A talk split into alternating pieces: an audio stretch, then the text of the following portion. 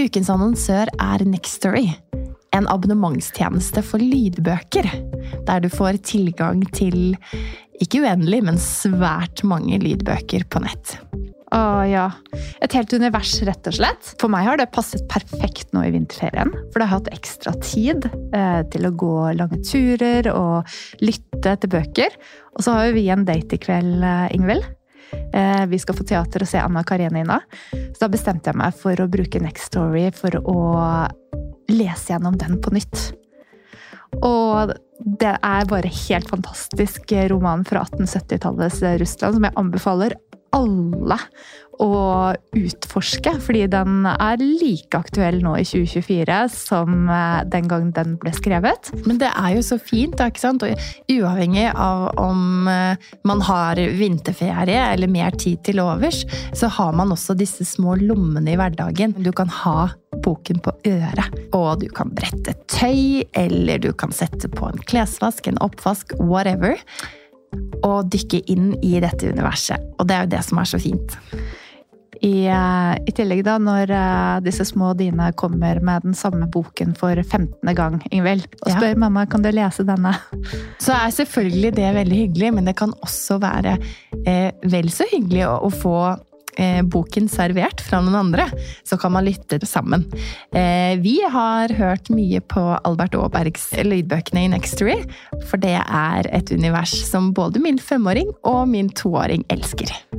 Ah, det er fantastisk. Man kan finne så mye flotte verdener og opplevelser i gode bøker. Og du som lytter til oss, kan nå få seks uker med fri tilgang til Nextory hvis du går inn på linken nextory.no engler. Så gå inn der. Bli med oss eh, og utforsk bokuniverset, og så håper jeg at du har like stor glede av det som vi har.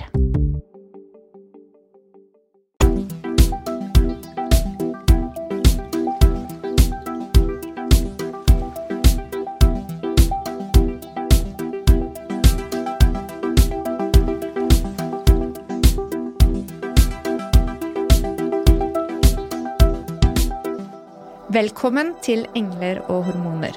Inspirasjon og ny kunnskap om helse, selvutvikling og livsstil.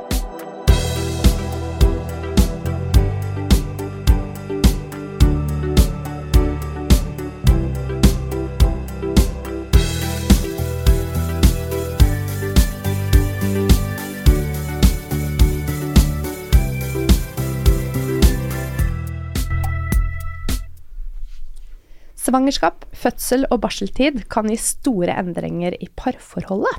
Og dette er noe som vi får mange spørsmål om på klinikken. Noen er ganske bevisste i forkant og ønsker å gå aktivt inn for å ta vare på forholdet, mens andre er mest opptatt av alt det nye som skjer, og glemmer egne og partners behov. Når den gravide magen vokser, så kommer det gjerne mange spørsmål om hva man kan eller ikke kan gjøre av seksuell aktivitet. For ikke å snakke om tiden etter fødsel. Der er det bare veldig store endringer i kroppen. Og så er det ammingen, og kvinner som ammer, de får en helt annen hormoncocktail i kroppen. Og så i tillegg hud-mot-hud-kontakt med baby flere ganger om dagen. Påvirker dette parforholdet? I dag så skal vi stille de spørsmålene som ofte ikke blir tatt opp, om seksualitet og parforhold i forbindelse med graviditet, fødsel og tiden etter fødsel. Og tørre å ta med oss amming som en faktor i dette også. Og da er det så fint at vi kjenner en helsesøster som er både sexolog og ammeveileder. Passer perfekt til dagens tematikk. Velkommen til studio, Tone. Tusen, tusen takk. Kanskje lytterne våre skal få bli litt kjent med deg først? Mm -hmm.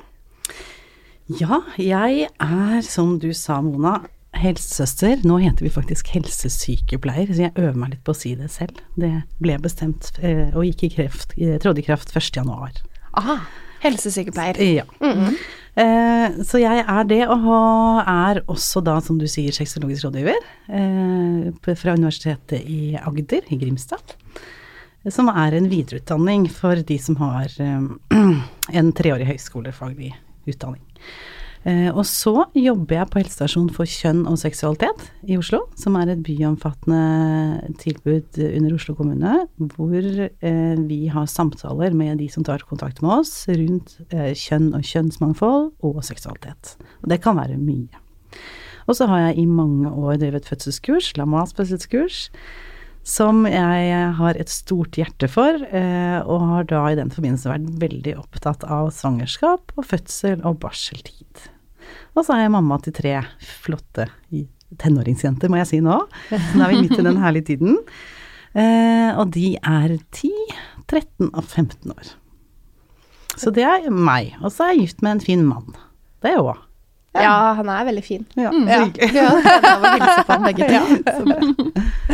så eh, vi syns det er så spennende fagkombinasjon du har, Tone. Fordi du sitter her eh, som et sånn lite orakel på så mange ting som er viktig for mm. kvinner, og også så mange andre temaer som vi kunne ha snakket om. Ja. Men i dag så skal vi fokusere på denne perioden med svangerskap, fødsel og tiden etter, og mm. din kompetanse både med erfaring fra La Mase og som helsesøster, men også sexologi.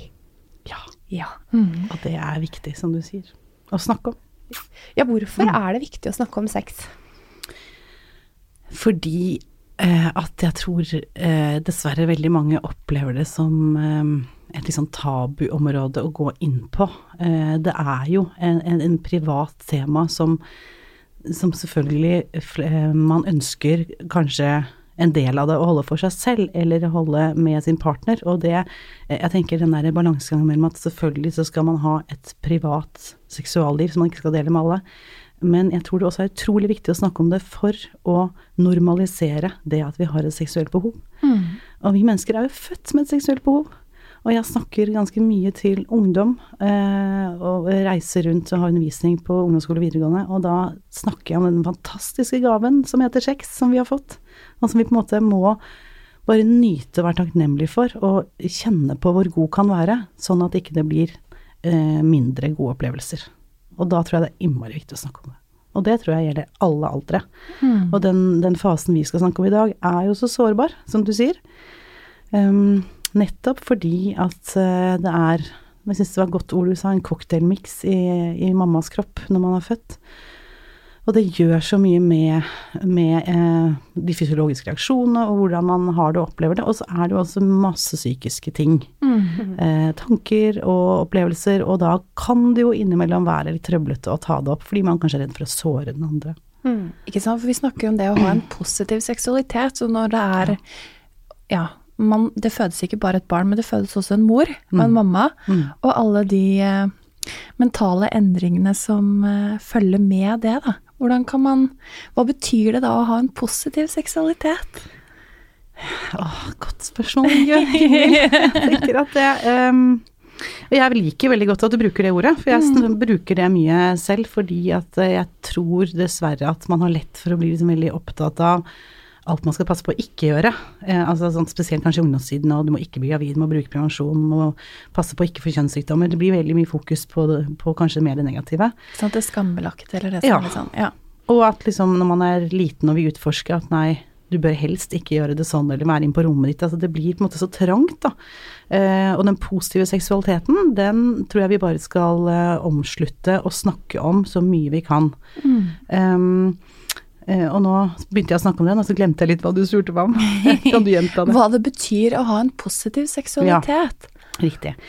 Eh, jeg tenker at det handler om eh, å Skal begynne sånn med å først ha Være på en måte komfortabel i egen kropp, og kjenne til egen kropp og egne reaksjoner og har også på en måte eh, fått kunnskap om og erfaring på hva man syns er godt, og hva man ikke syns er godt. Mm.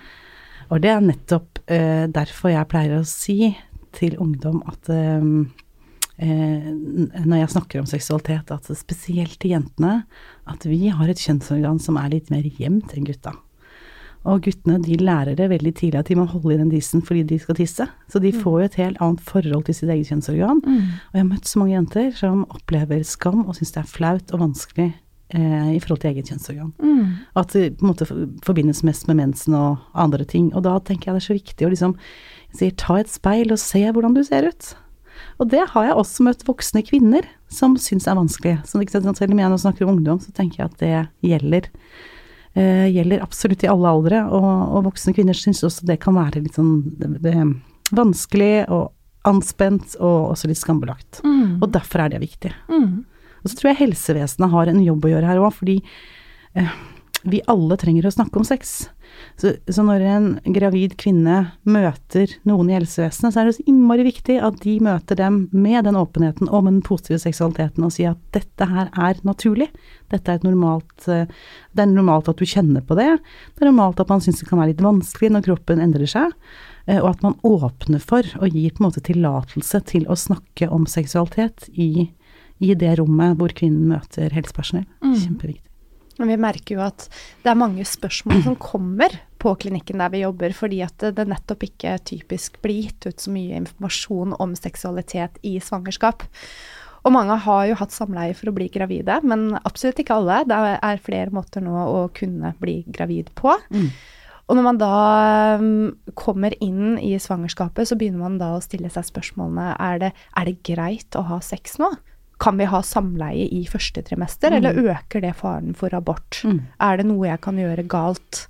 Ja. Har du noe å si til de spørsmålene? Jeg tenker at det er en sånn typisk frykt som spesielt kvinner har. Hva kan jeg gjøre som eh, kan eventuelt gjøre Altså, kan jeg gjøre noe galt, som du sier? Kan man eh, eh, Noe av sine egne handlinger føre til at man eventuelt skulle miste barnet? Og det er jo sånn, spesielt første trimester at man tenker på det. Um, det er veldig lite som kan gå galt ved å ha samleie, eh, også i første trimester og gjennom hele svangerskapet. Hvis det er eh, noe som eh, mot formodning skulle skje, at man skulle være så uheldig å miste barnet, så vil nok det kanskje skjedd uansett, og ikke av et samleie. Um, og, og, og på en måte alt er som det skal være, så ligger barnet så godt beskyttet. Eh, og eh, det er også en av liksom, fryktene kanskje til partnere, hvis det er en mann som er partner, at man er redd for at penisen skal komme borti barnet. Det er sånn klassisk eh, en pappa som kan være redd for det, og syns at det blir litt sånn trøblete. For det vi ser ofte at kvinner, de er mer redde for de fysiske reaksjonene, blødning, kynnere, eh, for tidlig fødsel, eller som du sier, at man kan eventuelt mis miste. Eh, og det kan da prege deres eh, også lyst på sex, eh, for de blir redde for det. Mens, mens eh, partnere som da er menn, kan da være mer opptatt av det jeg sa, med at man kan komme borti. Og det som jeg syns er et sånn fint bilde på det, er at barnet ligger jo Hvis du ser for deg et norgesglass som er helt tettet med vann, eh, og du har en mynt oppi det glasset, så er barnet som den mynten. Og det er altså Hvis du da ruller det glasset, uten at det knuser selvfølgelig, men ruller det bortover, så er, vil vannet beskytte barnet. Og den penisen kommer ikke så langt. altså, det, det kommer ikke i berøring med det i det hele tatt. Så det, det er ingenting i veien med det. Og det tenker jeg også er viktig å vite i forhold til f.eks. dildo, og bruke ulike hjelpemidler. Hvis man gjør det, så er det heller ikke noe fare forbundet med det. Nei. Det er også helt greit. For der, eh, som terapeuter, så har vi ofte en, en restriksjon i forhold til hva vi gjør internt i graviditeten som en sikkerhetsmargin, eh, og også i forhold til infeksjoner. Ja. Jeg vet ikke om, eh, om det er noen spesielle tiltak i forhold til renhold og hygiene som man bør tenke på da, om man skulle følge dine anbefalinger der. Ja, tenker du da spesielt på noen av trimesterne nå, eller tenker Ja. du generelt hele svangerskapet? Det er vel kanskje mer risiko eh, mot slutten av svangerskapet. Mm, Mm. Absolutt. Mm. For eh, hvis du da tenker på f.eks. når slimproppen er gått og sånn, Mhm. så er, sier vi jo som en regel at, eh, at når den er gått, så er Altså da er jo kvinnen litt mer utsatt for, eh, for infeksjoner, og da anbefaler vi å unngå offentlig bad. Hvis det er på sommeren, ikke bade. Eh, men vi sier likevel at det å ha samleie med partner og være i eget badekar, det er helt greit. Mm. Ja. Så, så det skal veldig mye til for at det ikke er ok, altså. Ja. Mm. Greit å få det konstatert, for jeg vet det er mange, mange som lurer på akkurat dette. Så er det dette med de ulike forventningene da, også hos, part, altså hos de ulike partene mm. i et forhold. Mm. forventninger i forhold til sex. Seksualitet, ja. Mm. Både under og Kanskje vi skal snakke om svangerskapet først? Ja, det kan vi gjøre. Mm. Um, ja, og det kan jo være uh, Man kan jo være på ulike planeter. Mm. Uh, og det, det her er det jo overhodet ikke noe fasit på. Jeg tenker at det, man kan jo være så forskjellig, altså fra par til par, men også innad i et parforhold. Og det som jeg liksom tenker som måte, mitt, Eller det jeg ønsker og håper på at par kan gjøre, er å snakke. Snakke om seksualitet er så viktig. Og jeg tror nok at uh, flere kan synes det er vanskelig nettopp fordi de kan være redd for å såre den andre, og for å avvise den andre. Og da tenker man at da velger jeg heller ikke å si noe om det, og så går man kanskje og er litt lei seg, snurt, irritert, frustrert fordi man ikke får den sexen man vil ha, eller ikke tør å ta det opp. Så blir det på en måte en sånn snøball som jeg tenker dessverre kan vokse seg større og større. Mm. Um, så det å eh, øve seg på å på en måte, Hvis man syns det er vanskelig, men liksom bare ka- kaste seg på, da tenke at nå må jeg bare prøve å være litt direkte mot partneren, partneren min og si hva jeg syns er vanskelig um, i forhold til seksualitet. Jeg tror det er kjempeviktig. Eh, og da er det jo også viktig, tenker jeg, å snakke om at sex er veldig mye mer enn et penetrerende samleie. For det er også interessant når jeg snakker med ungdom og jeg spør hva er sex, så er liksom stort sett penis i vagina som er svaret. Eh, og det er jo mange måter å ha sex på, så da må vi jo snakke litt om det. Absolutt, og mange måter å få orgasme på som vi har eh, gitt ut en episode. Vi snakker, Ja. viste jo fram denne fantastiske klitorisen og Ja, så bra at dere snakket om det. Det er kjempeviktig.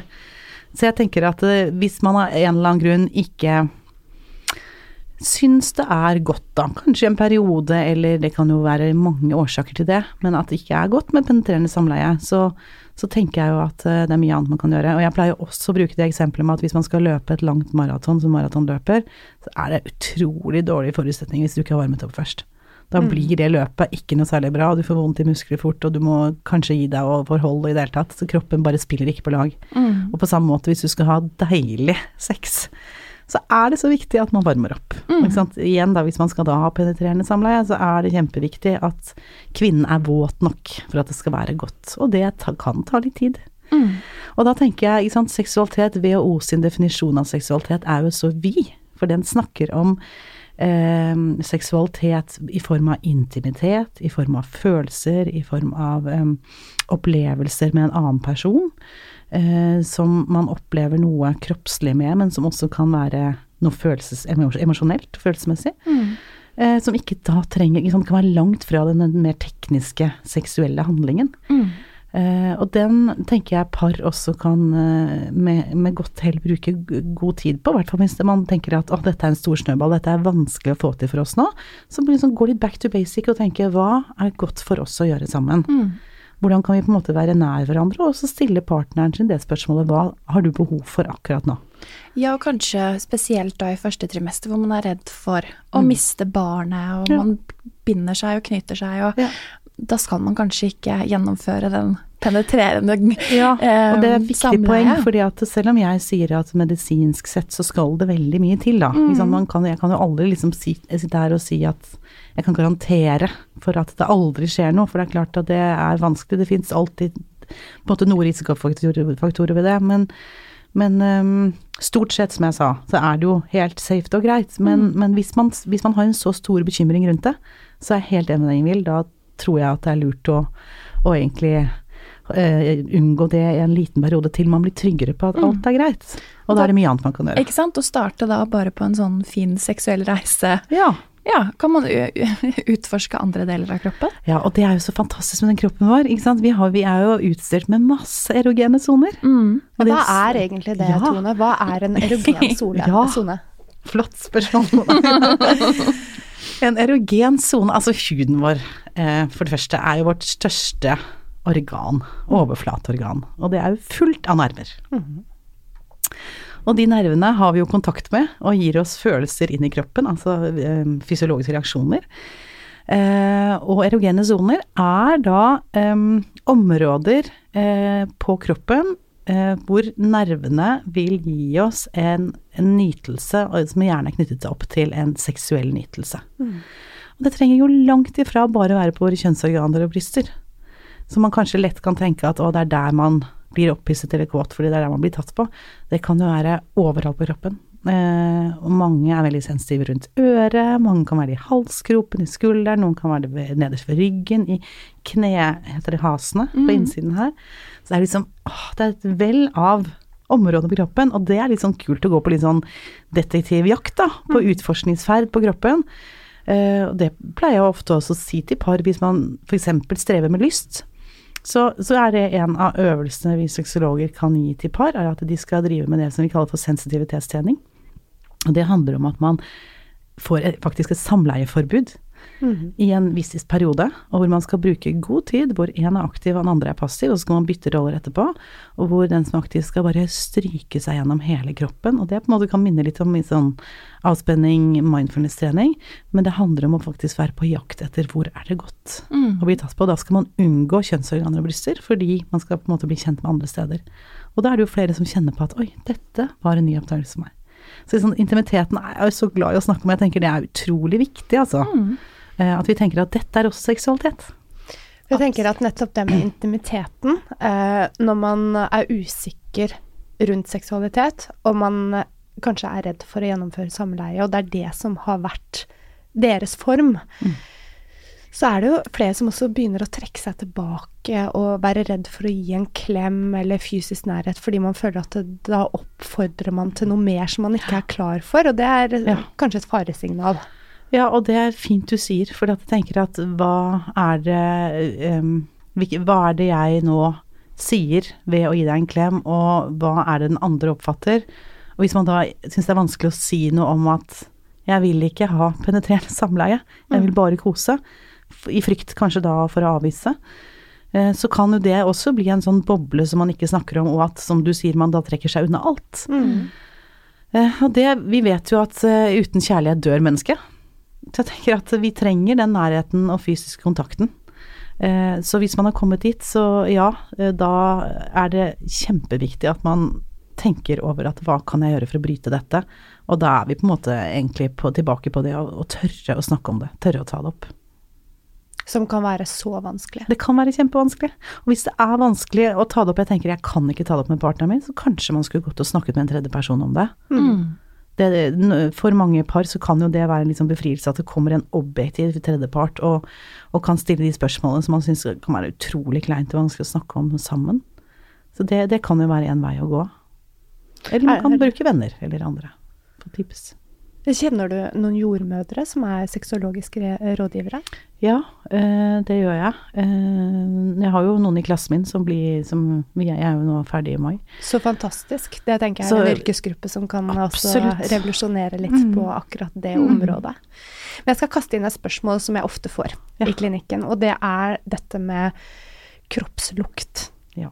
Fordi det er veldig mange gravide som blir sensitive for lukt, Mm. både sin egen og andre sin, og at det faktisk kan være et problem i forbindelse med seksualitet. Mm. Har du noen tips eller råd her? Ja, ikke sant. Eh, ja, vi jeg Det sier vi, jeg, for jeg har vært gravid tre ganger selv. Jeg husker jo liksom så rar man kan bli. Alt du liksom Plutselig smaker ting muggent, og det er mye rart som endrer seg. Eh, og jeg vet at det med lukt er, er noe som mange kjenner på. Eh, nummer én er jo at eh, når man skal ha god sex og nyte sex, så tenker jeg liksom råd nummer én er god hygiene. Mm. Og det ligger liksom litt sånn basalt der, men jeg tror det er viktig å si noe om også, fordi at det, det er noen ganger man kan kanskje glemme det litt, eller hoppe litt over det, eller ikke tenke på at det er så viktig, kanskje for den andre. Og så blir da em, seksualiteten em, på en måte mer sånn hemmet av det at man tenker å nei, nå gruer jeg meg, jeg vil, jeg vil ikke oppleve det igjen, da.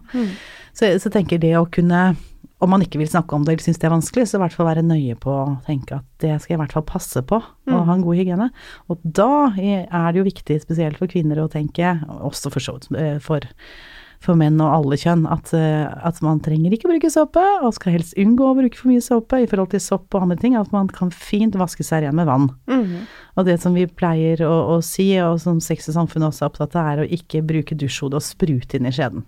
Det er ikke skjeden laget for, og vi har på en måte sensitive slimhinner som ikke liker den spruten rett inn, og du kan fint bli ren ved å vaske deg med vann. Men det er nå, tenker jeg, det første og det viktige, viktigste. Og så tenker jeg at hvis man syns det er trøblete f.eks. med oralsex, eller kjenner at, at man blir for tett på, så er det noe med å Jeg vil jo si det beste er jo å si noe om det, men hvis man syns det blir vanskelig, så kan man jo også prøve å um, bruke kroppsspråket, da, på å eh, på å eh, være nær partneren sin. På en annen måte, og, og også igjen tilbake til erogene soner og utforske, og kanskje gi den nytelsen uten at man trenger å komme inn i en setting hvor den ene ønsker oralsex, og du ikke ønsker det selv, eller ønsker å gi det. Hvis det kan være, altså kanskje spesielt i forhold til at man er mer sensitiv nå, at man kanskje syns det har vært helt greit før, men i svangerskapet så ble det vanskelig. Så det kan være noe. Men igjen, det er jo lettest hvis man klarer å ta det opp. En annen ting som eh, kvinner ofte tenker på, det er den endringen som skjer i kroppen. Så utrolig fort så blir man helt annerledes, og det kan være litt ukomfortabelt å være i egen kropp med alle de endringene som skjer. Og det er også noen da som eh, trekker seg mer tilbake fra fareforholdet fordi at de eh, ikke er komfortable i egen kropp. Og det gjelder sikkert flere enn bare gravide. Absolutt. Ja. Noen føler seg bare flottere og flottere. så jeg må ta med det òg. Ja, definitivt. Men jeg er enig med deg, Mona. Noen føler at de vokser og vokser og ikke liker det. Mm. Og opplever én ting er magen, men at andre deler av kroppen også endrer seg til noe man ikke er så komfortabel med. Oh yes. Ja, ja da. eh, og, og den eh, endringen er noe som selvfølgelig kan prege det intime forholdet til sin partner. Er det noen tips du Unnskyld, Tone. Nei, nei. Men er det noen tips på en måte til partner, da? For hvis du merker at eh, ok, kjæresten din, hun mm. som er gravid, hun vokser, hun endrer seg, kanskje hun til og med på en måte gir litt uttrykk for at dette her er litt ukomfortabelt, eller jeg føler at jeg ikke har noe kontroll, eller jeg føler meg ikke noe fin lenger. Har du noen tips da til partner? Å ja. Ja. Tips nummer én er jo på en måte å bare ehm, være så tydelig og ærlig, selvfølgelig. Jeg håper jo da at partner, partner opplever at, eh, at en gravide kvinne er vakker, og jeg tenker at det finnes jo ikke noe mer vakkert enn gravide kvinner, syns jeg. da. Jeg tenker at de, de har en helt spesiell aura rundt seg som gjør at eh, man tiltrekkes nesten det synet. Mm. At det er noe som vokser i kroppen, og jeg tenker det at partner på en måte kan også eh, være tydelig på å bekrefte henne, og si hvor utrolig vakker du er, og jeg ser at du går gjennom en fantastisk prosess, kroppen din endrer seg, jeg syns det er vakkert. Og spesielt hvis man da kjenner partneren sin og opplever at, at hun syns dette er trøblete, så er det jo på en måte bare å gi mest mulig støtte og si at det er så flott, sånn som kroppen din nå opp, øh, endrer seg. Og jeg er så glad for å få være med på det, og jeg syns du er vakker, og jeg har så lyst til å ta på deg, jeg syns det er flott å være nær deg. Det er jo det absolutt beste man kan si. Og så håper jeg selvfølgelig at man mener det. Jeg tenker, kan ikke, hvis man ikke skulle mene det og syns det er liksom Å nei, dette er trøblete, kan det jo selvfølgelig være en partner som også kan tenke at «Ja, det har kanskje gått opp litt mye. Altså det er klart, vi har jo alle utgaver av ulike meninger og tanker rundt det, men jeg tenker hvis man skulle følge det, så ville jeg i hvert fall ikke sagt noe særlig om det, men heller på en måte være nær på andre måter og fortelle hvor glad man er i hverandre, da. Det er kjempeviktig. Mm. Jeg tror eh, selv, når jeg har gått gjennom graviditeter, så syns jeg at endringen har skjedd så fort at jeg ikke helt har klart å henge med, fordi det er så mye som skjer på kort tid. Men eh, i ettertid, når jeg har vært igjennom noen graviditeter og fått observere flere gravide som kommer til meg på klinikken, og gjerne også av og til sammen med mann, så har jeg lagt merke til den stoltheten som mange menn har ved siden av sin gravide kjæreste. Altså dette her med 'dette har jeg gjort'. Se her. Ja. Dette er mitt verk! ja så jeg tenker litt Selv om kanskje ikke alle er så flinke til å bekrefte det med ord, så av og til eh, altså Kjenn litt på den som gir seg til uttrykk bare ved å være i nærheten av hverandre. For jeg tror eh, mange glemmer å legge merke til den type bekreftelse du får også. Den, menn sprader ved siden av sine Ja, gravide er og partnere, altså. Eh, Fordi at det er, eh, det er jo noe de gjør sammen. Dette er et livsverk. Absolutt. Og så tenker jeg at når man syns noe er vanskelig, så er det som regel det man ser. Mhm. Ikke sant? Så hvis jeg går og tenker på at uff, jeg, nå er jeg så lite attraktiv, jeg er blitt altfor stor, eller jeg har fått hengepupper, eller hva søren som har skjedd, så er det jo det jeg tenker på. Eh, og da er det det som får plass i mitt hode. Og det er noe med å på en måte prøve å endre den tankegangen og også på en måte stien som du har laget deg, da. Og prøve å tenke at nei, nå lager vi en ny vei og tenker heller på hva som er vakkert, og åpne opp øynene for de bekreftelsene du får utenifra. Og det kan jo være fra partner, men det kan også være fra helt andre. I jobbsammenheng, liksom bare høre at åh, du stråler, så tenker jeg ta det til deg. Ja, lytt. Det er viktig. Ja, Kjempeviktig. fordi det er eh, noe de sier fordi de mener det. Absolutt. Ja. Så tenker jeg på en annen ting eh, som eh, jeg, syns det er viktig å si noe om det med at når du er gravid, så kan det faktisk oppleves også at du er mer kåt enn vanlig. Ja, ikke sant? For Du skulle det kanskje komme inn på Nei, nei. Men det er det jo også mange som sier. Jeg skal ikke uttale meg. Nei, jeg sitter med stor mage. Hva føler Men, du, men ja, noen kan også oppleve det, at sexlysten skyter i været. Ja. Mm. Og det er det jo også dessverre noen som kan liksom skamme seg litt over. Jeg tenker, ikke gjør det! Altså, det er jo, eh, det der er veldig forskjellig. Noen kan kjenne at de ikke er så kåte, og andre kan være superkåte. Og det kan jo selvfølgelig også variere i løpet av første, andre, tredje trimester. Der er det jo ikke noe fasitsvar. Men, eh, men det at du kjenner på det, så tenker jeg at åh, det er jo en gavepakke. Det er jo helt fantastisk. Så, så hvis det kommer, og hvis du tenker at åh, jeg er egentlig utrolig keen på å ha sex nå, så flott da, da tar du det imot med åpne armer. Og hvis din partner syns det er trøblete, eller i forhold til det vi snakket om i stad, med at barnet vokser inn i det og sånn, så, så snakk om det og hør liksom, men hva syns du er ok å gjøre? Sånn at man finner liksom en, en plattform som begge to er komfortable med, da. Absolutt. Men det er normalt, eh, hvis man skulle oppleve at man er mer kåt, helt normalt. Og det er fint. Ja, altså vi har jo litt mer blod i kroppen, og med disse hormonene som farer rundt, så kan man vel både få bedre nytelse og Ja. Ja, og så etter hvert som man også vokser men magen blir større, så er det jo også noe med å tenke ok, hvordan kan vi nå eksperimentere, gjøre ting litt annerledes man har gjort før. Kanskje man må bruke fantasien og tenke litt nye stillinger, ting blir litt mer trøblete, spesielt kanskje i tredje trimester, og at ting er, eller magen blir jo litt i veien noen ganger. Men det der å tenke, men det gir oss en ny mulighet. Hvordan kan man da ha sex? Mm. Mange måter å gjøre det på. Har du noen forslag? Jeg tenker at sånn helt på slutten så kan jo f.eks. det at kvinnen står på alle fire, eh, at mannen har uh, penis inni henne bakfra, altså som vi kaller doggy style, det uh, kan være en løsning. For jeg tenker at det å ligge i misjonærstilling for en kvinne som f.eks. kanskje har trøbbel med bekkenet, er jo ikke akkurat den beste stillingen heller. Eller Vena Cava-syndrom. ja, ikke sant? Ikke sant? Ja. Men jeg tenker at det er på alle fire, som du nevner, for de kvinnene som også er bekymret for lekkasje under samleie, for det var et annet spørsmål jeg hadde i bakhodet, men jeg bare skyter det inn Ja. her, fordi at det er en posisjon der man kanskje også kan eh, unngå det at det skal bli Ja. klamt eller ubehagelig Ja. for noen. Mm. Ja, det er sant. Mm. Og da, er det jo, da kan du jo bygge opp med puter foran, sånn at du får støtte. Ikke sant? Det er mye du kan gjøre i den stillingen, så du skal ikke tenke at nå må jeg bære hele meg. Altså, det, du kan jo lene deg litt forover og, og oppleve at du på en måte da klarer å slappe av da, i en stilling. Det tror jeg er viktig, å finne en stilling du kan være komfortabel og slappe av i. Mm. Og også ligge på siden, litt mer sånn saksestilling. Det er eh, en god nettside som heter sexstillinger.no, som er veldig fin med litt sånn blyanttegninger av ulike stillinger man kan teste ut.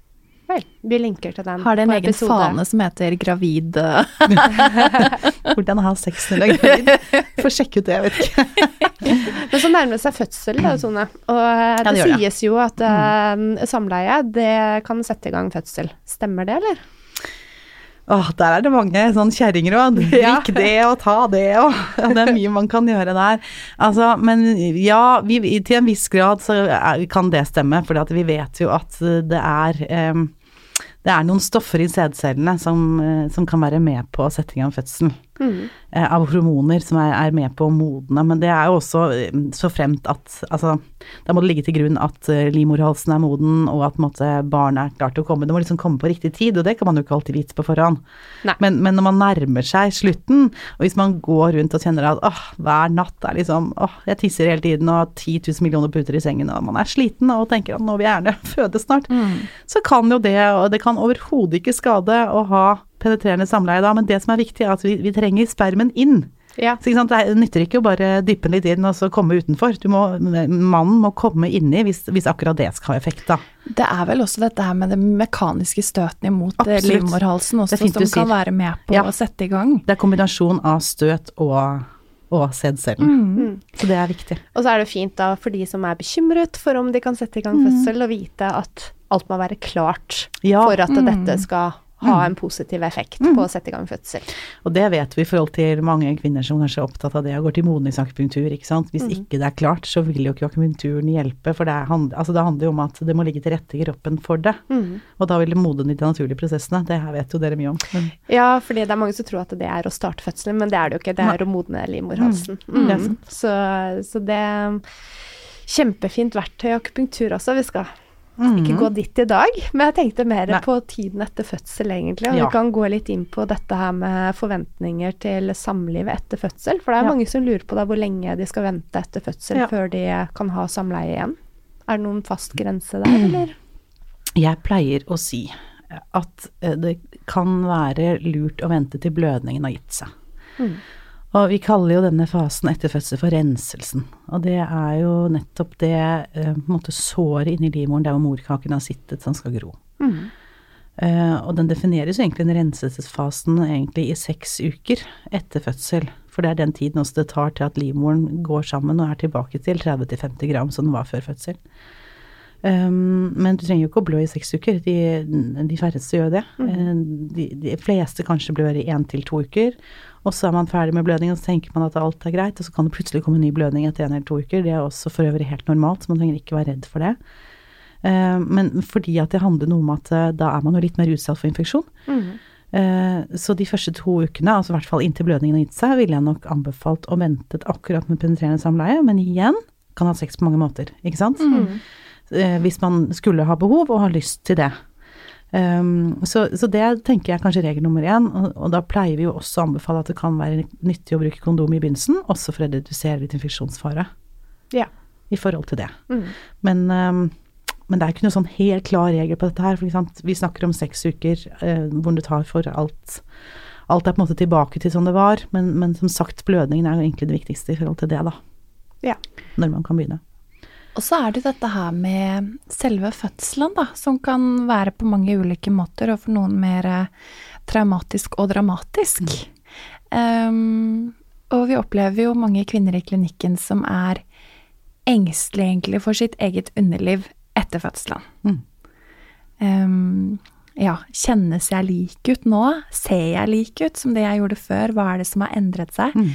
Og der igjen tenker jeg jo at dette tipset som du gir til ungdom også om å se seg i speilet og ha noe å sammenligne det litt med, da.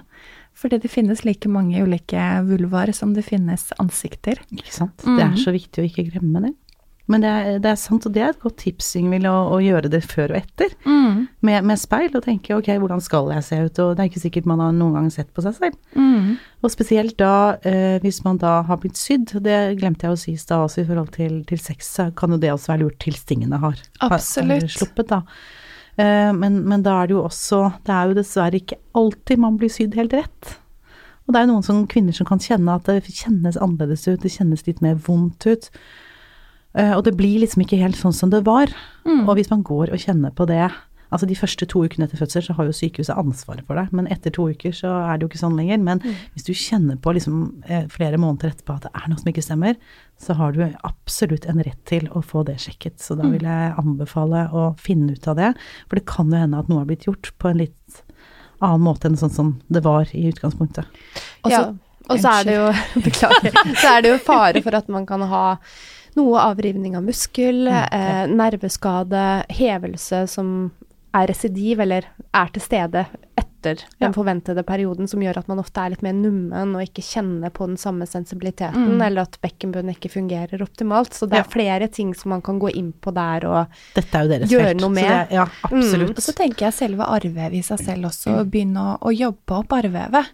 eh, Og faktisk ikke være redd for å, å trykke litt og sette i gang sirkulasjon, da. Nettopp for dette her med å sette i gang sirkulasjonen, eh, kanskje bedre sensitiviteten i det området også. Så der er det også sier- hjelp å få. Ja, og det er bra.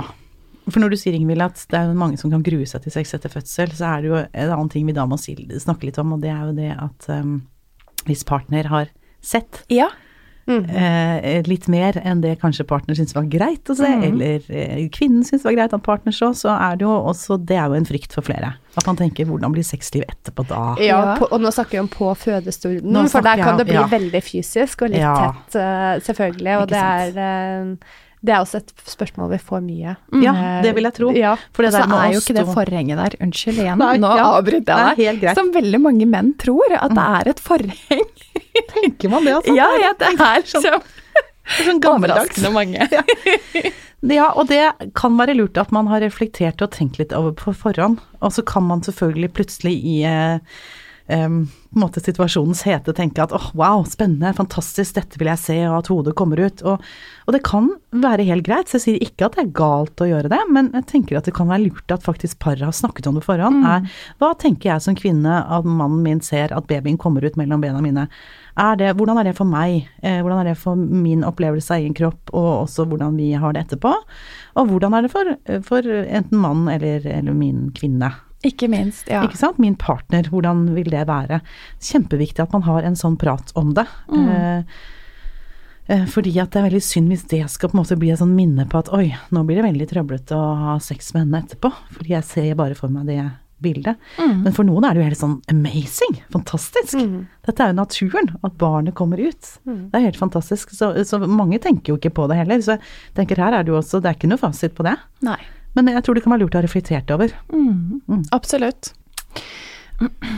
Denne hormoncocktailen da, Tone, fordi Ja. eh, du er jo også ammeveileder. Mhm. Og det er jo ikke alle som får til å amme, eller ønsker å amme. Men de som eh, jobber med det, og som ammer barnet sitt, Mm. eh, hva er det vi kan forvente i forhold til eh, hvordan det virker inn på parforholdet? Det kan være ganske mye. Ja. Hvis vi begynner liksom med mer den, eh, den tiden ammingen tar, så kan vi begynne å si litt om det, ikke sant. Altså, det er det jo spesielt kanskje førstegangsgravide som lurer på liksom hvor mye Jeg som har hatt fødselskurs i mange år og snakker jo alltid en del om amming, for jeg er så opptatt av den tiden. Uh, og da er det jo mange som lurer på men hvor lenge skal jeg sitte og amme? Og da sier jeg at et barn kan spise fra åtte til tolv ganger i døgnet. Og barnet kan bruke noen ganger en halvtime på hver pupp. Så det er bare et regnestykke å finne ut at det er mange timer i døgnet man sitter med den puppen ute. Mm. Um, Og det er mest i starten. det er absolutt mest Ja. i starten, det er det. Det blir mye mer systemer etter hvert. Jeg pleier, liksom De første to ukene er jo rimelig kaotiske, men jeg pleier ofte å si at de første seks ukene er litt sånn kaostiden. Og så er det jo fra seks uker så begynner det sakte, men sikkert å gå seg litt mer til, og noen kommer i rutiner litt raskere enn andre. Men det kommer seg mye mer etter hvert, og at det blir mer intervall mellom måltidene. Men i begynnelsen så er det jo det som vi kaller selvregulering, at barnet skal få mat når barnet uttrykker behov for det, og da kan det bli hyppig, både natt og dag. Og det gjør jo at mor får mye nærhet til sitt barn, som selvfølgelig fra naturens side er eh, flott og bra, og som fremmer mye prosesser. Både at livmoren går sammen, sånn helt i starten, ved ammingen, eh, og at man skaper en trygg tilknytning. Eh, så vi kan jo egentlig si mye om akkurat det, men liksom i hvert fall den nærheten er kjempeviktig. Å lese barnets signaler. Eh, men det kan jo gjøre, og det trenger ikke, men det kan gjøre at mor kan føle seg litt sånn mettet på fysisk kontakt. Mm. fordi hun føler at hun har hatt noe vakkert og spennende i kroppen og vært en del av henne så lenge, og så kommer barnet ut, og så blir både eh, mor og partner kjent med barnet. Og så er det jo mor unektelig. Altså hvis man ikke ammer, så har man jo egentlig en unik mulighet til å få den nærheten begge to. Hvis man gir flaske, så det er jo en veldig fordel i forhold til det. Eh, Men hvis man da ammer, så blir det jo mor som får den, eh, den jobben. Og altså, jeg sier jobb i den forstand at det tar jo mye tid, men også det at det er en veldig flott nærhet. Og det kan gjøre at mor eh, kjenner på at når partner, eventuelt når partner begynner å jobbe igjen og, og kommer hjem, eller, eller eh, i løpet av døgnet, at man kjenner at åh, jeg orker ikke mer nærhet. Jeg vil heller ha kroppen min for meg selv, jeg trenger mer tid alene, og ikke ha noen som tar på meg. Eh, og det kan være vanskelig. Eh, spesielt også da hvis en partner kjenner på at åh, jeg savner å være nær deg. For jeg får ikke den nærheten. Jeg kan få nærheten etter barnet har spist, eh, inntil eh, brystet mitt. Eh, men jeg får jo ikke den nærheten som du har hele tiden, og jeg trenger den. Og der, trenger man, altså der kan man, det kan være litt mismatch, da. Og det er det viktig å snakke om. Eh, men så er det, når jeg sier dette, så er det også viktig å ha sagt at det kan også være sånn at en mamma som har født et barn og får masse nærhet i forhold til amming, også kjenner på et seksuelt behov, og tenker at ja, men eh, nærheten til barnet mitt er noe annet. Jeg kjenner at jeg nå har et behov for å være nær deg og ha seksuell nytelse. Og det er også viktig å på en måte ha et rom for å, å kjenne på at det er helt greit. Så, så, sånn kan det også være. Så det trenger ikke nødvendigvis være sånn at partner nødvendigvis alltid er klar, og, og mamma ikke er det. Her er det mange, ja, eh, mange svar på det. Det er det ene. Men så spurte du også, Mona, i, i forhold til liksom cocktailen, da. Ja. Hormonelle miksen vi har.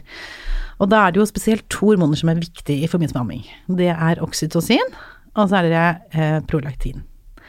Eh, oksytocin er det som stimulerer utdrivningen av melken, da melken kommer ut. Oksytocin kjenner jo kanskje fra før av, det er jo et fantastisk hormon, for det kaller vi ofte kjærlighetshormonet.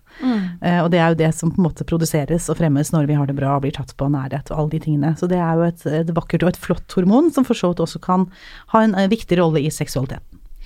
Men prolaktin, det er litt annerledes. Det styrer melkemengden. Og det produseres jo også, og trenger å produseres for at ammingen skal fungere. Men det kan være med på å nedsette sexlysten. Ja. Og det er jo ikke alltid så heldig, hvis man ønsker å ha et, ha et sexliv hvor man kjenner at Men jeg har jo ikke lyst på det, jeg ville jo egentlig hatt det, men jeg bare kjenner at jeg har ikke lyst. Og det er helt normalt. Og det er helt normalt. Og det å vite at prolaktinnivået er jo høyt når du ammer mye i begynnelsen, og så vil prolaktin, altså det nivået vil jo gå naturlig ned når du ammer litt mer sjeldent. Så ikke sant, Hvis man kjenner at 'Å, søren har jeg mistet sexlysten, så vær tålmodig, det kan komme tilbake hvis det handler om prolaktinnivå. Og så går man jo ikke minst inn i en eh, type overgangsalder etter fødsel. I hvert fall noe som ligner på overgangsalder. Noe som kan ligne en overgangsalder, Mm. med tørre slimhinner og ja. Fordi man har mindre østrogen, og det gir tørrere slimhinner. Så jeg tenker at alle par, alle egentlig personer, eh, bør ha glidemiddel i nær, eh, nær omkrets eh, hjemme. Nå, Hvis man skal måtte, ha et seksuelt liv. Jeg tenker det kan være behov i alle faser av livet, men spesielt det du sier, Ingvild, så tenker jeg at glidemiddel kan hjelpe på det. Så For det skal ikke være vondt. Det blir lett vondt hvis man har sex uten å være våt nok. Ikke sant? er sant? Og eh, eventuelt eh, østrogenpreparater lokalt, som også kan Ja. benyttes hvis det er eh, Mm. behov for det. Ja, så Hvis dette er et stort problem og man kjenner at jeg er veldig tørr, så vil jeg jo egentlig anbefale å ta en prat med legen om det. Mm. Absolutt. En annen ta eh, prat vi kanskje bør ta med legen i denne sammenhengen, det er prevensjon. For det er jo myte Ja. at amming er fullverdig prevensjon. Bare am, så får du ikke flere barn! det er mange som har fått fått en overraskelse overraskelse ja. der. ja, og det har jeg sett eh, i mine gamle dager på helsestasjon, at jeg har møtt flere av dem. Ja. Hvor det ikke gikk akkurat som de tenkte. Det er en myte at amming er fullverdig prevensjon. Ja, det er jo Ja, det vil jeg si at det er en myte. Fordi at uh, vi har for mange unntak for å tenke at det er safe nok. Ja. I noen tilfeller så ja, blir man ikke gravid, men jeg vil ikke satse på det, altså. Um, så det, og, og da er det jo helt naturlig at du um, etter hvert gjenopptar sexlivet, og det vil jeg jo sterkt anbefale, da. For når man går fra å være kjærester, kanskje spesielt fra null til ett barn, men, men, eller fra å være to til tre, men, men eh, for all del også når man får flere barn, så tenker jeg man går jo fra en litt sånn intimitet og tiden sammen til å få en mammarolle og en mammarolle, eller mammarolle og en papparolle. Eh, og den kan være så altoppslukende. Og man kan etter hvert også titulere seg selv som mamma, mamma eller mamma, pappa. Eh, og det eh, gjør at man også har tendens til å kanskje distansere seg litt fra hverandre som seksuelle vesener, som kjærester, og i den intimsonen som man trenger å ha. Så det er liksom veldig forkjemper å si på fødselskurset mine at dere må ikke glemme å pleie kjæresteforholdet. Det er som å nære en, en plante som trenger vann, og det må man gjøre ganske raskt etterpå. Og man må ikke liksom da få barnevakt og overnatte og dra på spa og sant, gjøre de store, voldsomme tingene. Det handler bare om de der små tingene i hverdagen. Og det med å se hverandre, spørre hva har du behov for, hva har du lyst til nå, massere hverandre, være nær, stryke på hverandre, gå en tur.